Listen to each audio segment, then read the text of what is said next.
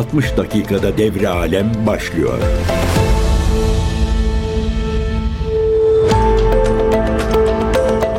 CGTN Türk Radyo'dan herkese merhabalar. Ben Erkin Öncan. 60 dakikada devre alem başladı. Bugünkü dünya turumuzda dolu dolu sabit konularımız var. Her e, bölümümüzde değindiğimiz ne bunlar? İsrail-Filistin hattında yaşanan gelişmeler. Onun dışında e, Rusya-Ukrayna hattında yaşanan çatışma e, artık sönümlendi ama yine de sayıyoruz. Yeni gelişmeler yaşanabilir. Venezuela-Guyana hattında yaşanan gelişmeler ve dünya genelinden öne çıkan toplumsal olaylar ve çatışma bölgeleri diye özetleyebiliriz. Dünya turumuza başlamadan önce numaramızı hatırlatalım. 0530 666 4 777 numarası üzerinden WhatsApp hattımızdan görüş ve önerilerinizi aktarabilirsiniz. 0530 666 66 4 777. İsrail ile başlıyoruz. İsrail Dışişleri Bakanı Katz dün Hizbullah'ın üst düzey komutanlarından Visam Hasan Tavil'in öldürüldüğü saldırının ülkesi tarafından düzenlendiğini doğruladı. Biz yaptık dedi. Kanal 14 televizyonuna konuştu ve Tel Aviv yönetiminin saldırıyı resmi olarak üstlenmemesine rağmen suikastın İsrail tarafından gerçekleştirildiğini söyledi. Yani resmi açıklama yapmadık ama biz yaptık e, diyor. Ve Hizbullah üyelerini, altyapısını ve İsrail'i caydırmak için kurdukları sistemleri hedef aldığını aktardı.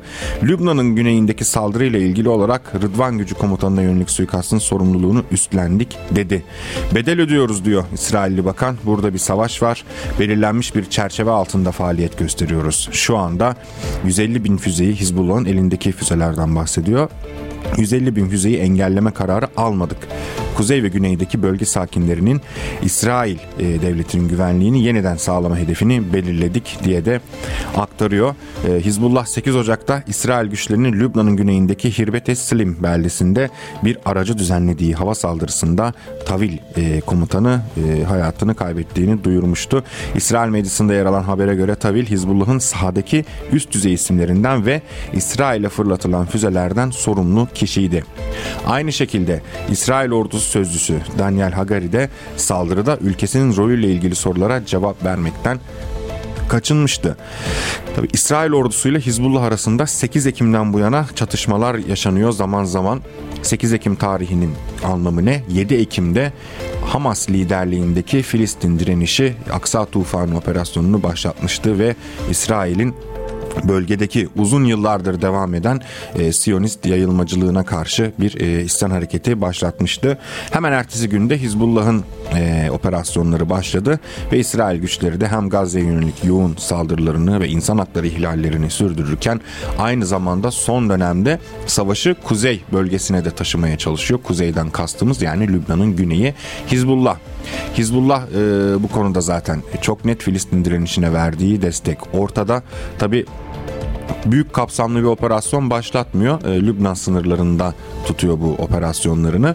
Son olarak da yine Hamas e, İsrail güçleri Hamas'ın üst düzey komutanlarından e, birini öldürmüştü. Hizbullah'ın kalesi olarak tanınan bir bölgede. Bunun üzerine yeni soru işaretleri ortaya çıkmıştı. En çok öne çıkanı da Hizbullah bakalım nasıl bir yanıt verecek, bir misilleme yapacak mı e, sorusuydu. Bu soru elbette İsrailli güvenlik bürokrasisinin e, de aklına geldi ki biraz bölgedeki güvenlik önlemlerini artırdılar. Aynı zamanda operasyonun kapsamını da genişletiyorlar. Yine aynı şekilde Hizbullah da sınır bölgesinde İsrail'e ait bir askeri noktaya saldırı düzenlediğini duyurdu. Bir yazılı açıklama yaptı bu konuyla ilgili ve İsrail'e ait Malikiye askeri noktasına uygun silahlarla saldırı düzenlendiğini söyledi. Lübnan resmi ajansı aktarıyor bu haberi. İsrail'e ait topçu birlikleri de Lübnan'ın Tel Hamamis bölgesiyle Hula beldesi çevresini vurduğunu aktarmış. E, bu devam eden 8 Ekim tarihinden bu yana devam eden çatışmalarda e, açıklanan rakamlara göre şu ana kadar 28 Lübnanlı sivil, 154 Hizbullah mensubu, 5 İsrailli sivil ve 9 İsrail askeri hayatını kaybetti. Hizbullah Genel Sekreteri Hasan Nasrallah da 5 Ocak tarihinde yaptığı açıklamada İsrail'e ait sınır üzerinde yer alan neredeyse tüm askeri noktalara saldırı düzenlediklerini, günlük ortalama en az 7 askeri mevzi veya noktayı hedef aldıklarını da belirtmişti. Gazze gündeminden devam ediyoruz yine. Ee, İsrail askerleri Gazze'deki operasyonlarına yoğun bir şekilde devam ediyor. Bölgede e, sivil, asker, çoluk, çocuk, kadın, yaşlı, e, tedaviye muhtaç, hasta hiçbir e, ayrım yapmıyorlar. Tamamen savaş hukukunu ihlal eden bir biçimde saldırılarını sürdürüyorlar. Bu yeni de değil. Yani şimdi şöyle bir yorum da var Batı medyasında daha çok.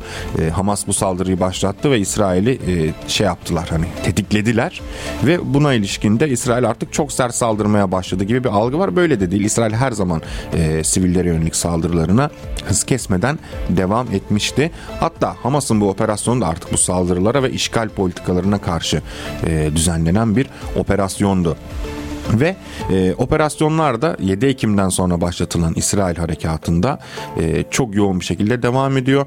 Bütün o vurulan, bombalanan hastaneler, okullar, kreşler, Birleşmiş Milletler'e ait insani toplanma noktaları, e, Gazze halkının yerlerinden edilmesi, e, bütün bunlar adı bir meşruiyet zemini yaratıyor. İsrail, Siyonist e, işgal güçleri diyorlar ki biz tamam hastaneyi vurduk ama altında Hamas tüneli vardı. Kreşe vurduk ama altında Hamas tüneli vardı. E, Gazze'nin her yerinde Hamas'a ait tüneller var ve e, Hamas militanları bu tünellerden çıkıp e, bize saldırılar düzenliyorlar diyerek bu şekilde meşrulaştırarak zaten bölgeyi dümdüz etmeye çalışıyorlar. Bölgede siyasi duruma ilişkin de öngörüler var. İsrail yönetimi bölgede hiçbir şekilde e, Gazze halkının kendi kaderini tayin etmesini veya kendi seçtiği, kendi tercih ettiği e, politik odakların Gazze'yi yönetmesini kabul etmiyor. Amerika'da aynı zamanda e, bir e, teknokrat hükümeti kurulabilir gibi çıkışları olmuştu bölgeye ilişkin. Bu da Hamas tarafından reddediliyor. E, İsrail e, saldırıları devam ederken Filistin yani Mahmut Abbas yönetimi de Gazze Filistin'dir diyor. Aslında Gazze'yi de ben yönetiyorum demeye getiriyor. Bu da tabii sahada kabul edilmiyor. Mahmut Abbas zaten eleştirilen bir isim oldu Hamas'ın operasyonundan sonra. Çok yoğun saldırılar başladı. Ona rağmen ee, net bir karşı çıkış yani e, somut bir karşı çıkış pratik anlamda bir İsrail'e yönelik operasyon görmedik zaten. E, daha çok Mahmut Abbas yönetiminin e, yönettiği güçlerden. Dolayısıyla Mahmut Abbas da e, yoğun protestolara maruz kalmıştı operasyonun ilk günlerinde. Bu arada e, Givati Tugayı var İsrail ordusunda. Givati Tugayı'ndan bir çavuş Gazze şeridinde komutasındaki askerlerinin öldürülmesinin ardından kalp krizi geçirmiş ve hayatını kaybetmiş. İsrail Kanal 12'nin haberi bu. Şimdi psikolojik e, bazı sıkıntılar da yaşanıyor tabii ki de İsrail ordusunda. Gazze çünkü tam yoğun bir şekilde İsrail ablukası altında uzun yıllardır. Ama Gazze bir anlamda Siyonist işgal güçleri için artık bir bataklık. Buraya bir kere girdiler. Çıkmaları çok zor. Bölgeyi amaçladıkları gibi dümdüz etmeleri de çok zor. E, bu konuyla ilgili bu arada Yakın Doğu Haber'de bir analiz yazısı yayınlanmıştı. Özlem Burya imzalı. E, İsrail'in psikolojik Vietnam'ı Gazze isminde bir yazıydı bu. Burada İsrail askerlerinin e, savaşı bitirse bile kendilerini daha uzun ve karmaşık bir savaşın beklediği vurgulanıyor. Daha önce yapılan bir araştırmaya yer verilmiş Orta Doğu'da görev yapan emekli Amerikan subayı Joe Bucchino e, imzalı Foreign Policy dergisine yayınlanan bir makaleye atıfta bulunulmuş. Gazze'nin İsrail Vietnam'ı olacağı öne sürülüyor bu e, makalede. Yani Vietnam'la benzerliği e, ele alınıyor aslında Gazze'deki askerlerin. Hatırlarsınız Vietnam'da da e, bir şekilde Vietnam direnişini e, kırmaya çalışmışlardı. Amerikan güçleri çok yoğun bombardımanlarla ve yine aynı şekilde insan hakları e, ihlalleriyle ama bunu başaramamışlardı. Aynı durum şimdi Gazze içinde söz konusu ve İsrail askerlerinde travma sonrası stres bozukluğu e, vakalarının arttığı söyleniyor. Bu travma sonrası stres bozukluğu özellikle Vietnam e, Savaşı sonrasında e, psikiyatristler tarafından dikkat çekilen bir ruh sağlığının bozulması durumu. Hayatı tehdit eden yoğun travmatik olayların deneyimine deniyor. Buna ilişkin insan psikolojisi de bir tepki gösteriyor ve her yaştan, cinsiyetten, kültürden insanları da etkileyebiliyor. Dolayısıyla çok sayıda asker savaş sırasında sırasında e, stres bozukluğu ile ilgili semptomlar yaşıyor. Ama bu durum e, savaş yorgunluğu olarak etiketlendi uzun yıllar boyunca ve Vietnam Savaşı'nda da bu savaş stres tepkisi olarak adlandırılmıştı.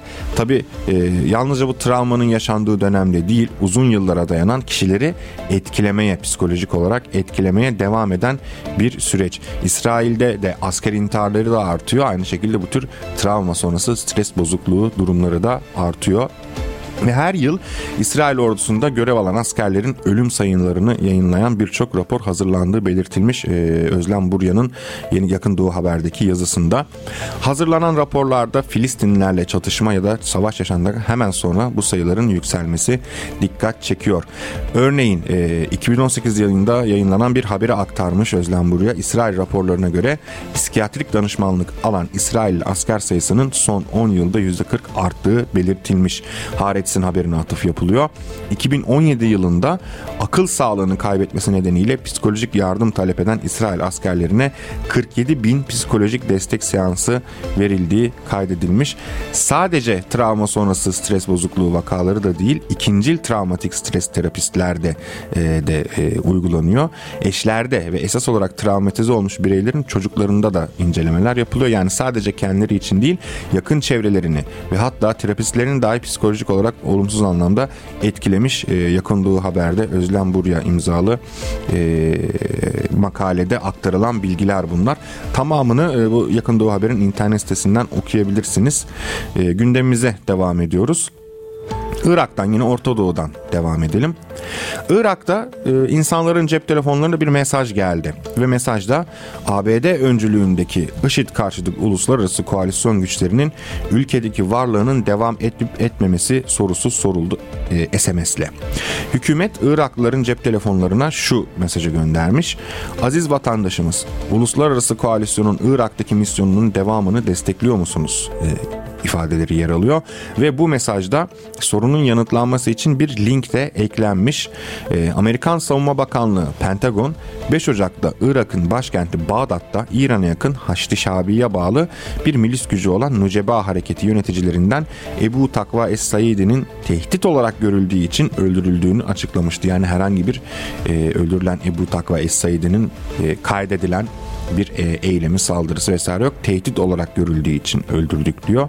Ve e, Başbakan Sudani'den de koalisyonun varlığının gerekçesi yok e, diye bir çıkış gelmişti 5 Ocak'ta. Irak Başbakanı Muhammed Şia Es Sudani Hükümet olarak koalisyon güçlerinin varlığını tamamen sonlandırmak için ikili komisyonu çalıştırmaya başlama sürecindeyiz. Irak'ın egemenliğini korumak için hiçbir şey ihmal edilmeyecek. Irak'taki varlığı için hiçbir gerekçesi kalmayan koalisyon güçlerinin varlığını sonlandırma yönündeki değişmez tutumumuzu yineliyoruz açıklamasında bulunmuştu. Tabi Iraklı Şii siyasi ve milis liderler de koalisyon güçlerinin ülkeden çıkarılması gerektiği yönünde açıklamalar yapıyor. Bir grup Şii milletvekilinin de imza toplayacağı iddia edilmişti koalisyon güçlerinin ülkeden çıkarılması için. Daha da öncesinde Irak Meclisi 2020 tarihinde ülkedeki tüm yabancı güçlerin çıkarılmasını içeren bir karar onaylamıştı. Ama tabii ülkedeki yabancı güçler e, çıkıyorlar mı? Çıkmıyorlar e, ve bölgede çeşitli tehdit anlatıları e, inşa ederek e, işte bizim e, güvenliğimizi tehdit eden örgütlerin burada faaliyetleri var e, gibi gerekçelerle bölgedeki askeri varlığını sürdürüyor Amerika öncülüğündeki koalisyon. Tabi Amerika öncülüğündeki koalisyon, koalisyon kısmı işin biraz e, makyajı. Esas burada yönetici e, veya yönetici konumda olan, baskın konumda olan Amerika ve uygulanan, atılan adımlarda Amerika'nın bölgedeki emperyalist çıkarlarının takibinden başka bir şey değil. Irak'ta da Saddam Hüseyin yönetimini e, devirdiler. Çok büyük yalanlarla ve medya operasyonlarıyla devirdiler. Saddam Hüseyin'i e, Saddam Hüseyin'i yargıladılar. Göstermelik bir mahkemede yargıladılar. Sunduğu kanıtların hiçbirini e, hukuki olarak ele almadılar ve Amerika'nın iddia ettiği kimyasal silah Suriye içinde zamanında söylenmişti. Irak içinde öne sürdüğü operasyonuna gerekçe olarak işgale gerekçe olarak e, kamuoyuyla paylaştığı kimyasal silahlara ilişkinde hiçbir kanıt bulunamadı. Ne oldu?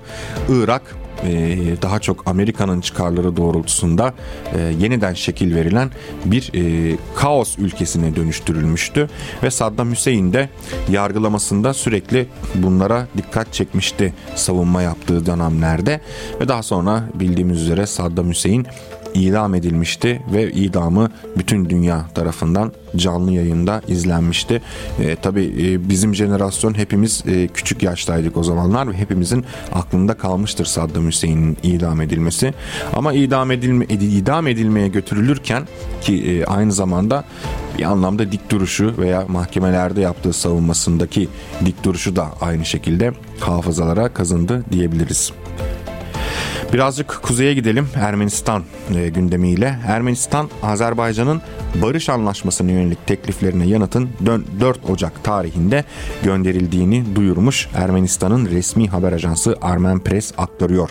Ulusal Güvenlik Konseyi Sekreteri Armen Grigoryan devlet televizyonuna bir röportaj veriyor ve e, Ermenistan-Azerbaycan barış anlaşması sürecine yönelik açıklamalarda bulunuyor. Grigoryan şunları söylemiş. 4 Ocak'ta Ermenistan tarafı Azerbaycan'ın barış anlaşmasına ilişkin teklifini yanıtladı. Önerilerine 2 hafta içinde yanıt verdik. Şimdi Azerbaycan'ın cevabını bekliyoruz.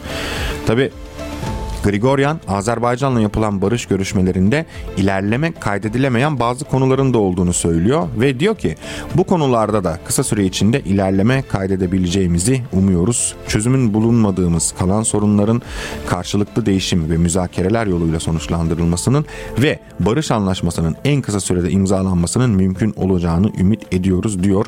Grigoryan aynı zamanda iki ülke arasındaki sınırın belirlenmesine yönelik görev yapan komisyonların Ocak ayı sonlarında tekrar bir araya gelmesi konusunda anlaşmaya varıldığını da bildirmiş.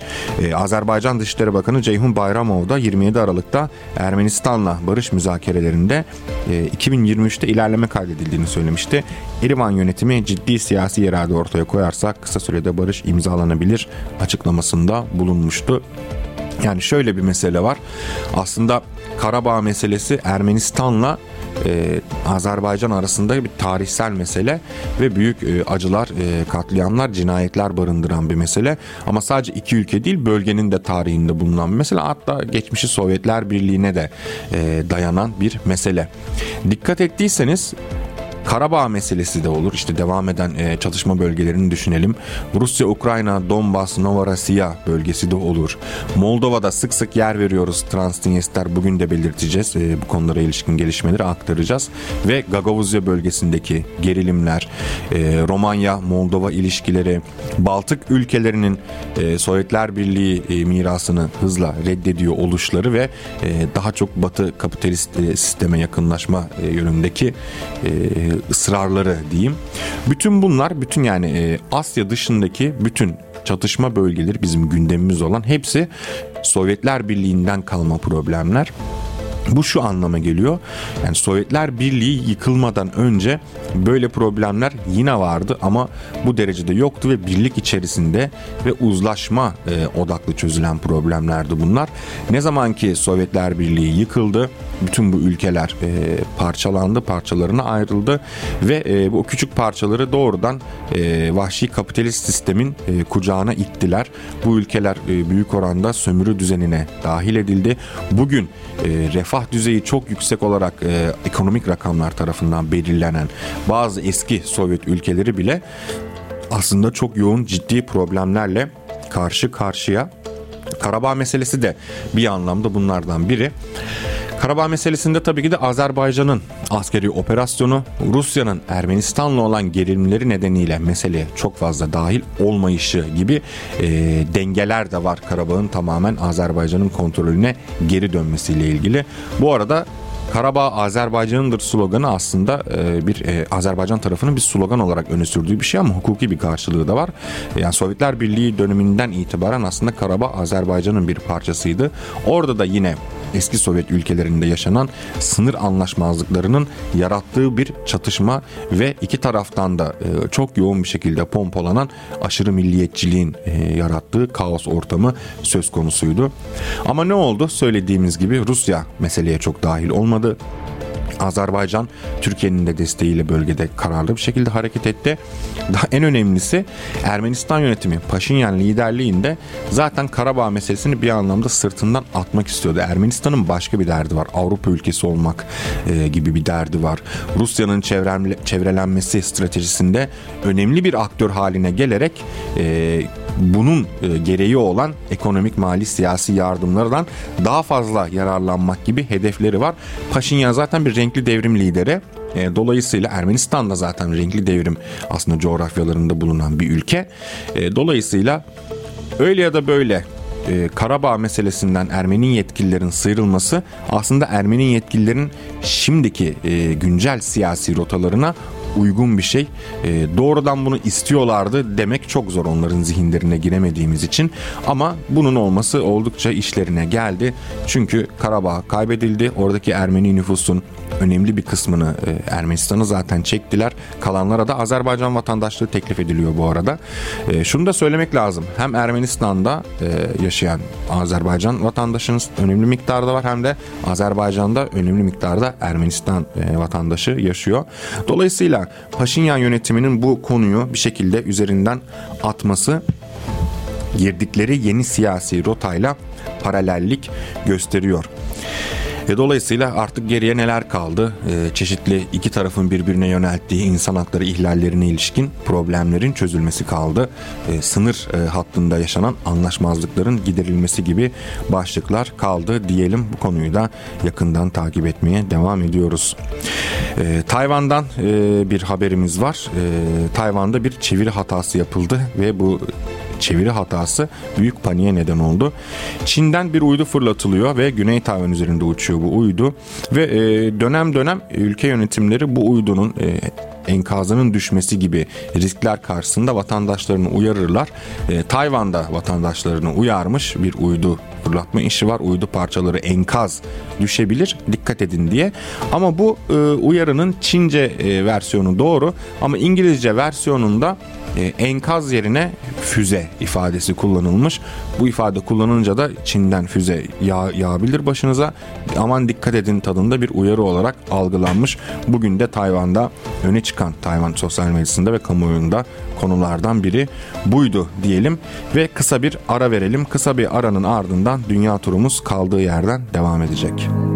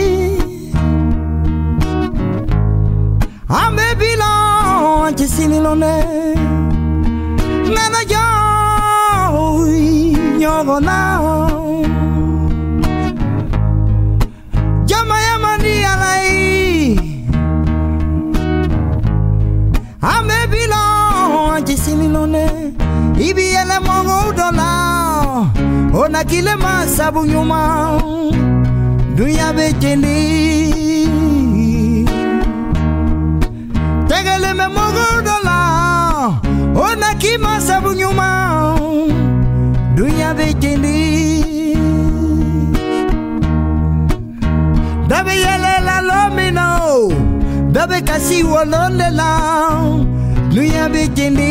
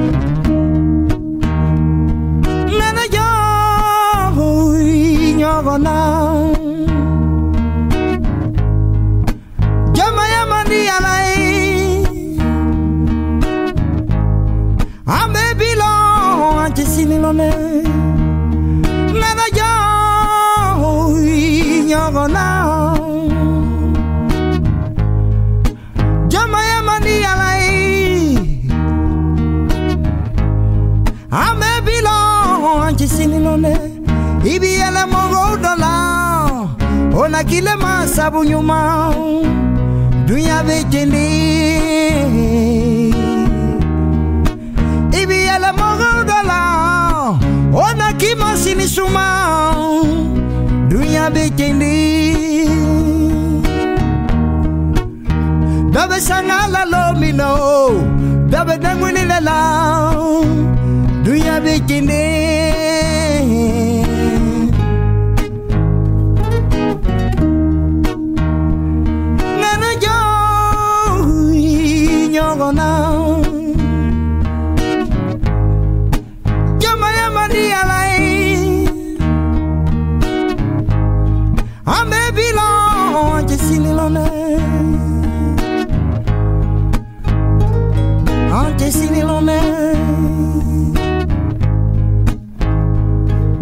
dessiner l'emmène.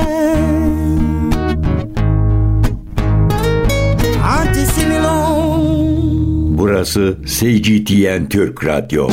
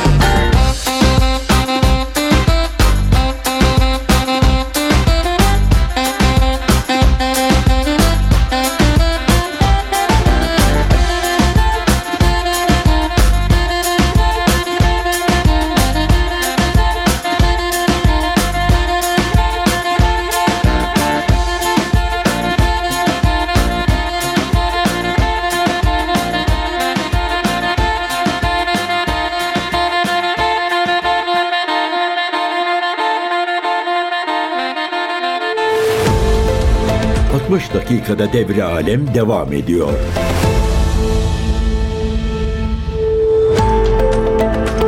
CGTN Türk Radyo'dan herkese tekrardan merhabalar. Kısa bir aranın ardından dünya turumuz kaldığı yerden devam ediyor. Ee, Ekvador'dan devam ediyoruz. Ekvador'un en büyük çetelerinden Los Chonieros''un elebaşı Jose Alfredo Macias Villamar e, uzun isimli bir çete lideri yine hapishaneden kaçmasının ardından ülkede 60 gün sürecek olağanüstü hal ve sokağa çıkma yasağı ilan edilmiş. Ekvador Devlet Başkanı Daniel Noboa e, yaptı bu açıklamayı sosyal medya hesabından. Ülkenin büyük ve tehlikeli çetelerinden olduğu söyleniyor Los Chonieros''un elebaşı. Lakabı da Fito yani uzun ismini e, herhalde onlar da zorlanıyorlar açıklamak için. Ve e, Vilamar'ın kaçmasının ardından 60 günlük sürecek olağanüstü hal ve sokağa çıkma yasağı ilan edilmiş. Kararın ordunun firari elebaşının yerini tespitine ve isyan çıkan cezaevlerinde iç güvenliği sağlamasına olanak tanıyacağı da e, vurgulanmış. E, Devlet Başkanı Noboa ayrıca diyor ki ordunun eylemlerinde tüm siyasi ve hukuki desteğe sahip olması için olağanüstü hal kararnamesini az önce imzaladım ifadelerini kullanıyor. Elebaşı Vilamar 7 Ocak'ta Guayaquil kentinde bulunan hapishaneden kaçmıştı ve e, aralarında cinayet ve uyuşturucu kaçakçılığının da bulunduğu çeşitli suçlardan 34 yıl hapis cezasına çarptırılmıştı. Bir hapis haberi de Rusya'dan Moskova'da bir mahkeme Amerikan vatandaşı Robert Woodland Romanov'u uyuşturucu kaçakçılığına teşebbüsten tutuklamış. Davanın ayrıntıları henüz e, bilinmiyor. E, buradaki önemli olan kısmı Amerikan vatandaşı olması. Bakalım uyuşturucu kaçakçılığından tutuklanan Amerikan vatandaşı ile ilgili Amerikan makamları ne diyecek? Rusya demişken hemen Ukrayna'ya e, zıplayalım. Ukrayna medyası e, Ukrayna vatandaşlarının toplu olarak e, bankalarındaki paraları çektiğini söylüyorlar. Hatta banka kartlarını kapatıyorlarmış ve e, banka hesaplarındaki paranın tamamını çektiği belirtiliyor Ukrayna vatandaşlarının. Peki neden oluyor bunlar? Verhavna Rada yani Ukrayna parlamentosunun e, 9 veya 10 Ocak'ta e, kabul etmesi gereken yani ya bugün ya yarın eli kulağında bir kanun var ve gelişmiş seferberlik yasası deniyor bu kanuna ve bu kanun kabul edildiğinde askerlikten kaçanlar için mali ve mülkiyet kısıtlamaları da getirilecek. Dolayısıyla yani askerden e, kaçan kişi kredi kartlarını kullanamayacak, bankadaki hesaplarına devlet tarafından bloke koyulacak yeni güncelleme ile. E, dolayısıyla Ukraynalılar da askerden kaçmayı planlayan Ukraynalılar da paralarını, tüm paralarını şimdiden çekiyorlar. Bild, Alman Bild'in bir e, haberi var. Avrupa'daki terör e, konusunu işliyorlar. Teröristlerin Avrupa Birliği'ne çoğunlukla Ukrayna üzerinden ulaştığını yazmış Bild. Sahte belgelerle ve e, Alman makamlarına daha bir uydurdukları işkence ve zulüm hikayeleri anlatarak e, gelen bazı mülteciler varmış. Bunların arasında ço bunların çoğunlukla Ukrayna pasaportu olan Tacikistan vatandaşları olduğu belirtiliyor ve e, Moldova üzerinden Almanya'ya geçtikleri de gelen bilgiler arasında ve bunların çoğunlukla Rusya'da da yasaklı bulunan IŞİD e, terör örgütünün Horasan kolundan yani Orta Asya ve Afganistan kolundan bahsediyoruz. Bu e, örgütün militanları olduğunu söylüyor. Tabi konu Ukrayna Rusya olunca Avrupa ülkeleri uzun bir süredir mültecileri Ukrayna'dan Ukrayna pasaportuna sahip mültecileri neredeyse hiçbir kontrolden geçirmeden Avrupa sınırlarını alıyor bunun da Avrupa'daki güvenliği etkileyecek e, önemli e, sonuçları doğuracağını e, tahmin ediyor Avrupalı yetkililer. E, Tabi biraz da bu aslında Ukrayna'ya e, verilen imtiyazlar ve yardımlarla da alakalı. Bu e, tür haberleri ve bu tür bilgileri de aslında e, son dönemde çok daha fazla tartışılmaya başlanan e, Ukrayna'ya yardımlar başlığında da ele almak lazım diye düşünüyorum. Çünkü artık Ukrayna'ya yapılan yardımlar e, daha fazla e, sorgulanmaya başladı Amerika başta olmak üzere Batı ülkeleri tarafından ve bu tür toplumsal olarak da Avrupalıların karşılaştığı risklerde daha fazla gündeme geliyor. Hollanda'dan devam ediyoruz. Hollanda'da en az 3 kişi, 3 e, Rusça konuşan LGBT mülteci e, hayatını kaybetmiş intihar ederek. Sebepler arasında para, e, mali problemler, cehalet ve, e, ve destek eksikliği yani bunlara e, bu ülkelerin verdiği desteklerin yetersiz oluşu gösteriliyor. gösteriliyor. Örneğin eşcinsel aktivist Mihail Zubchenko sığınma hakkı alamadığı ve evsiz kaldığı için 29 Kasım'da intihar etmişti. Yine Rusya Federasyonu'ndan gelen e, trans aktivist Tina Zaharova psikolojik yardım ve hormon tedavisi alamadığı için intihar etmişti. Ve Moldova'daki e, Katya Mihailinova ve başka bir e, vaka daha yaşadı. O da intihar etti. Sokakta kaldı. Ve e, dolayısıyla e, yine bu göç meselesiyle alakalı e, bir problem bu. Ve e, bunlar alelacele Rusya'dan ya da Ukrayna'dan e, kaçan isimler Avrupa'ya gidip sığınma hakkı kazanan isimler. E, bunu önemli kılan bu gelişmeyi tabii ki de intihar etmesi insanların ama daha da önemli kılan Avrupa'nın kolektif batının daha doğrusu veya Amerika'nın daha böyle bir kimlik siyaseti üzerinden Rusya, e, Çin gibi ülkeleri eleştirmesi ama bunun sadece bir ambalajda e, kalmış olması. Yani bir makyaj uyguluyorlar aslında. E, çok haberleri çıkar bunların. İşte Rusya'dan kaçan LGBT aktivist, Ukrayna'dan işte savaş nedeniyle Ruslardan kaçan işte LGBT aktivist, eşcinsel aktivist vesaire. Sadece LGBT toplumu da değil kaçan Rusya gerekçesiyle Avrupa'ya kaçan çoğu mülteci çok kötü şartlarda yaşıyor. Büyük çoğunluğu da zaten suça bulaşıyor. Bir kısmı da az önce söylediğimiz gibi radikal örgütlerin üyesi. E, dolayısıyla bunlar her zaman reklamlara konu olur. Avrupa e, bunu kullanıyor yani kendi PR açısından. E, bir diğer mesele de bunların zaten Avrupa'nın ana e, stratejilerinden, politikalarından biri olması LGBTİ hakları. Ancak e, doğrudan bu insanları korumayan, evsiz bırakan ve e, tedavilerini eksik bırakan da yine bu Avrupa devletleri yani biraz aslında o ambalajı kaldırdığımızda yine o vahşi kapitalizmin e, halka, yoksullara uyguladığı, onlara reva gördüğü düzeni bir kez daha e, açığa çıkmış oluyor. Devam ediyoruz yine Avrupa, Doğu Avrupa bölgesindeyiz. Litvanya'ya giden bir e, Alman askeri heyeti var ve Ukrayna'ya gönderilen Alman tanklarını denetliyor bunlar. Leopard tanklarında mekanik ve elektronik aşınma, yıpranma ve arızalar tespit etmiş. Teknik nedenlerle savaştan ayrılan e, tanklar bunlar. O kadar çok teknik nedenlerle e, savaş dışı kalan tanklar var ki bu sayı savaş dışı kalan tankların sayısı Rusya'nın yok ettiği sayıyla neredeyse aynı sayılabileceği ortaya çıktı. Aynı zamanda yedek parça akışında problemler var. Genel tedarikler e, zayıfladı. Bunun sebepleri arasında teknik dokümantasyon yani bunun nasıl kullanılacağının doğru bir şekilde tercüme edilememesi, personelin yetersiz eğitim alması ve bu nedenle ortaya çıkan bakım ve onarım sorunları gösteriliyor. Sadece Ukrayna'da değil Litvanya'da da oluyor bu mesele ve e, bunu kullanan kişiler, personel yetersiz eğitimlerle doğaçlama yapmaya çalışıyorlar. Çünkü Almanya dışında bugün Ukrayna'da kullanılan tankları düşünelim. Hiç kimse e, bir Leopard tankının tam olarak e, en verimli şekilde nasıl onarılacağını tam olarak e, bilmiyor. Bu Alman heyete göre Ukrayna ordusunun onarım çalışmaları da tanklara daha fazla zarar vermiş ve bu krizi ağırlaştırmış. Yani tamir etmeye çalışırlarken daha fazla bu işi batırmışlar anlaşıldığı üzere. Bir Alman subay Der Spiegel'le konuşmuş. E, Mali'deki eylemler örneğini kullanmış ve Alman tanklarının savaş koşullarında kullanıldığında çok çabuk yıprandığını gördüklerini söylemiş bir Alman subay. E, Mali'de de e, Leopard tankları görev yapmıştı ancak 10 bin kilometre yol kat edebildiği ortaya çıkmış. E, bunun Alman tanklarının çok karmaşık ve bakımlı e, bakım gerektiren onarım ihtiyaçlarından kaynaklandığını söylüyor ve Alman subay en önemlisi bu faaliyetlerin yani toplamda bakım ve onarım faaliyetlerinin en iyi şekilde hatta ancak fabrikalarda gerçekleştirilebileceğini söylemiş. Aynı zamanda The Spiegel Ukrayna Zırhlı Birliği'nde görev yapan bir Ukraynalı subayın görüşlerine de yer vermiş bu Leopard tankları ile ilgili. Tank paletleri oldukça kırılgan diyor Ukraynalı subay. Ayrıca paletlerin gerginliğini kaybedip yerinden çıktığını da söylemiş. Tank hareketsiz kalıyor diyor. Bu da savaşta bir felaket. Ukraynalı askerler Leopardları sürekli izlemek ve onlara ekstra dikkat etmek zorunda kalıyorlar demiş Ukraynalı subay da.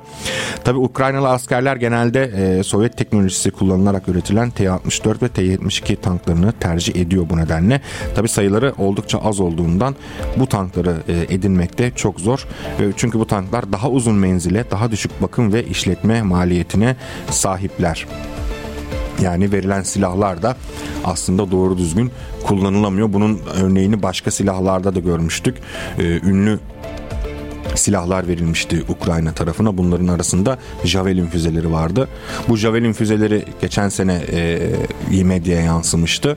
Ukrayna'ya gönderildiğinde Ukrayna askerleri bunları Google Translate yardımıyla çözmeye çalıştılar uzunca bir süre. Ukraynalıya gönderilen diyorum da öncelikle bunlar Ukrayna'ya e, düzgün bir organizasyonla gönderilmedi zaten. Ukrayna'ya gönderiliyor. Bunları alan e, neonazi Azov taburu bunların dağıtımını organize eden de Azov taburu. Dolayısıyla Böyle bir problem var. Leopard tankları da e, yine ambalajı çok güçlü, e, çok güzel e, bir tank.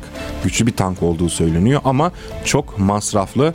Alman subay bile diyor ki bunu sadece fabrikada tamir edip onarabilirsiniz ve e, bozularak savaş dışı kalan tankların sayısı Rusların e, yok ettiği tanklarla neredeyse aynı. Bu da ayrı bir e, ekonomik yük. Daha önce yine Alman bir yetkili Alman ordusu bugün savaşa girse 3 gün savaşabilir gibi bir açıklamada bulunmuştu.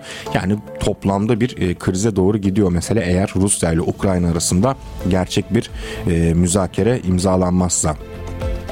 Bu arada Moldova'da Shore Partisi bahsetmiştik dünya turumuzda defalarca faaliyetleri anayasaya aykırı olarak kabul edildi. Shore Partisi Rusya yakınlığıyla bilinen bir parti.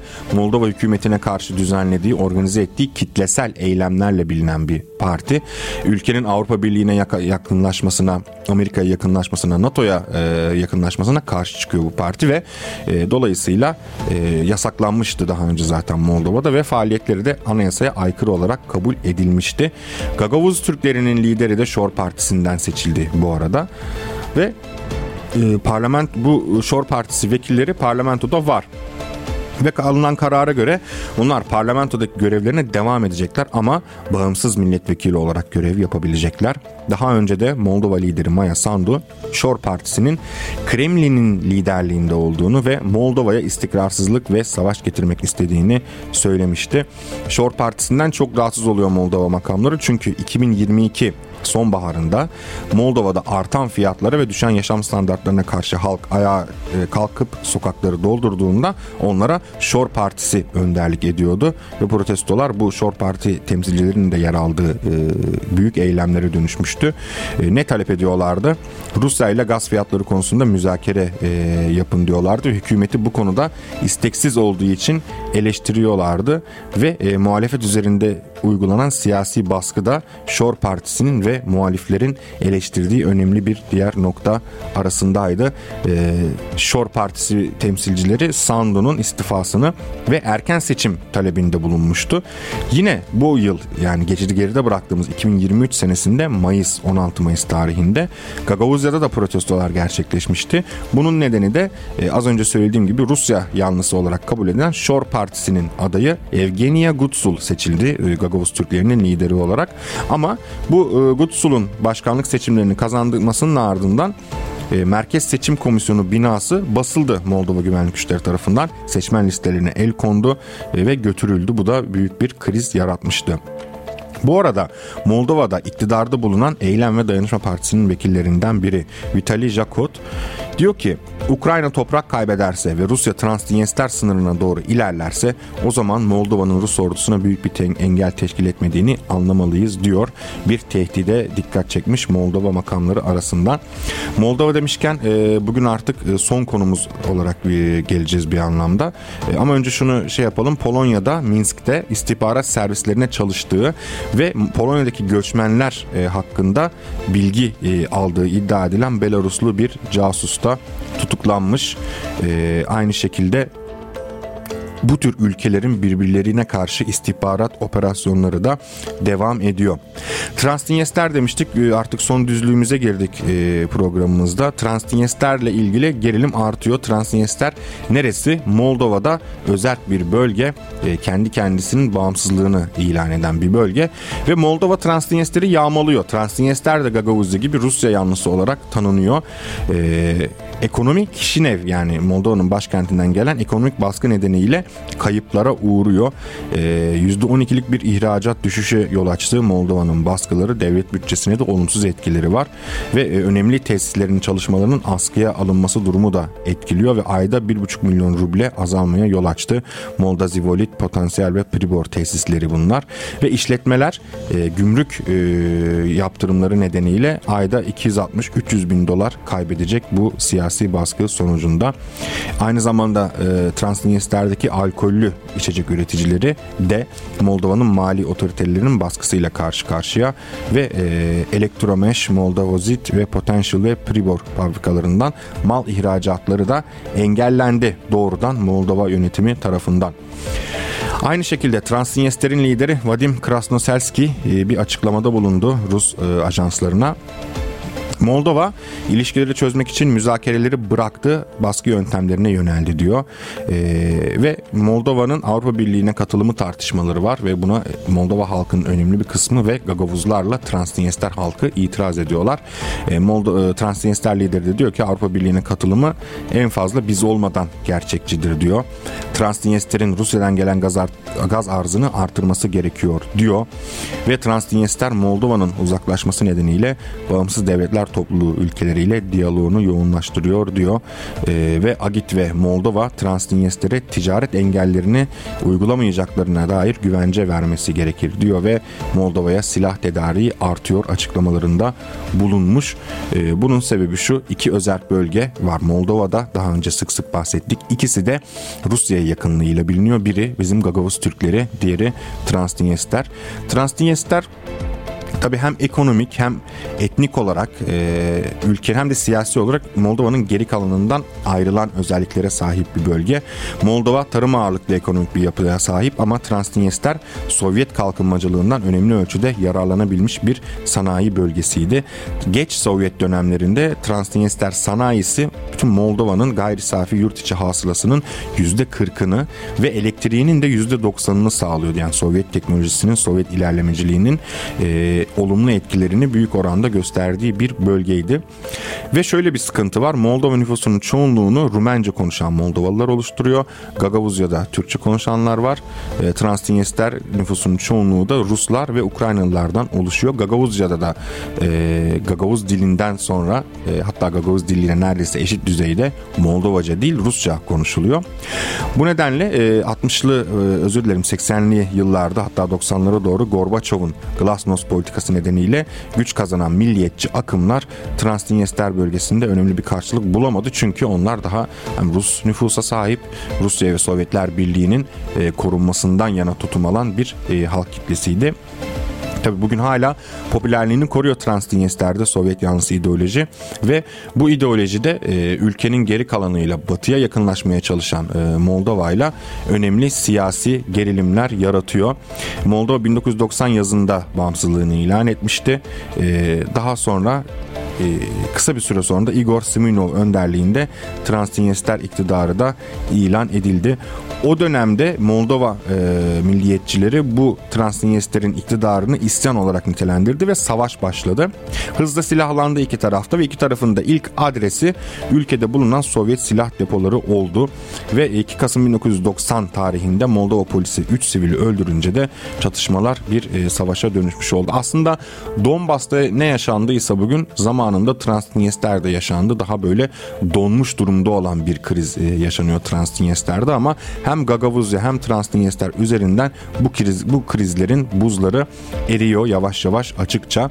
Ve çatışmalarda Rus milliyetçi güçler, e, Donbas'taki olduğu gibi sosyalistler veya sembolik o Sovyet mirası için savaşmak isteyenler herkes Transnister'e akın etti ve e, bölgedeki çatışmaları uzat uzatan en önemli unsur da yani savaşın hemen bitmemesi de iki tarafın ağır silahlara sahip olmaması nedeniyle oldu. Ve bütün sokaklarında çatışmalar yaşandı Transnister'in 90'lı yıllarda 400'e sivil olmak üzere bine yakın insan öldürüldü Bender bölgesinde yaşanan savaşlarda. Tabi Donbas Cumhuriyetlerinin aksine Transnistria özerk statüsünden taviz vermeden Moldova devletiyle bağlarını sürdürmeyi başardı. E, Tabi e, Moldova'daki e, iktidar da NATO üyesi Romanya'dan aktif destek alıyor. Batı ile yakınlaşıyor. Dolayısıyla önümüzdeki dönemde e, hem Gagavuzya üzerinden hem de Transnistria Cumhuriyeti üzerinden e, yeni gerilim başlıklarının yaşanacağını söylemek mümkün. Hala bun, hatta bunlar başladı. Moldova yönetimi Gagavuz Türklerini emekli maaşlarından bile mahrum bırakmaya çalışıyor.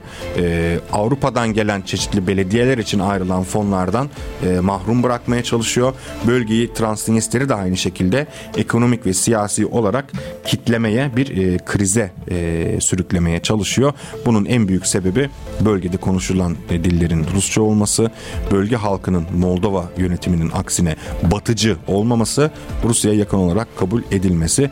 Ukrayna savaşı da bütün bu donmuş durumdaki kriz başlıklarını eritmeye başladı önümüzdeki dönemlerde hem e, dünya medyasında hem de Türk medyasında Moldova'nın adını çok çok daha fazla duymaya başlayacağız diyerek bugünkü dünya turumuzu sonlandıralım.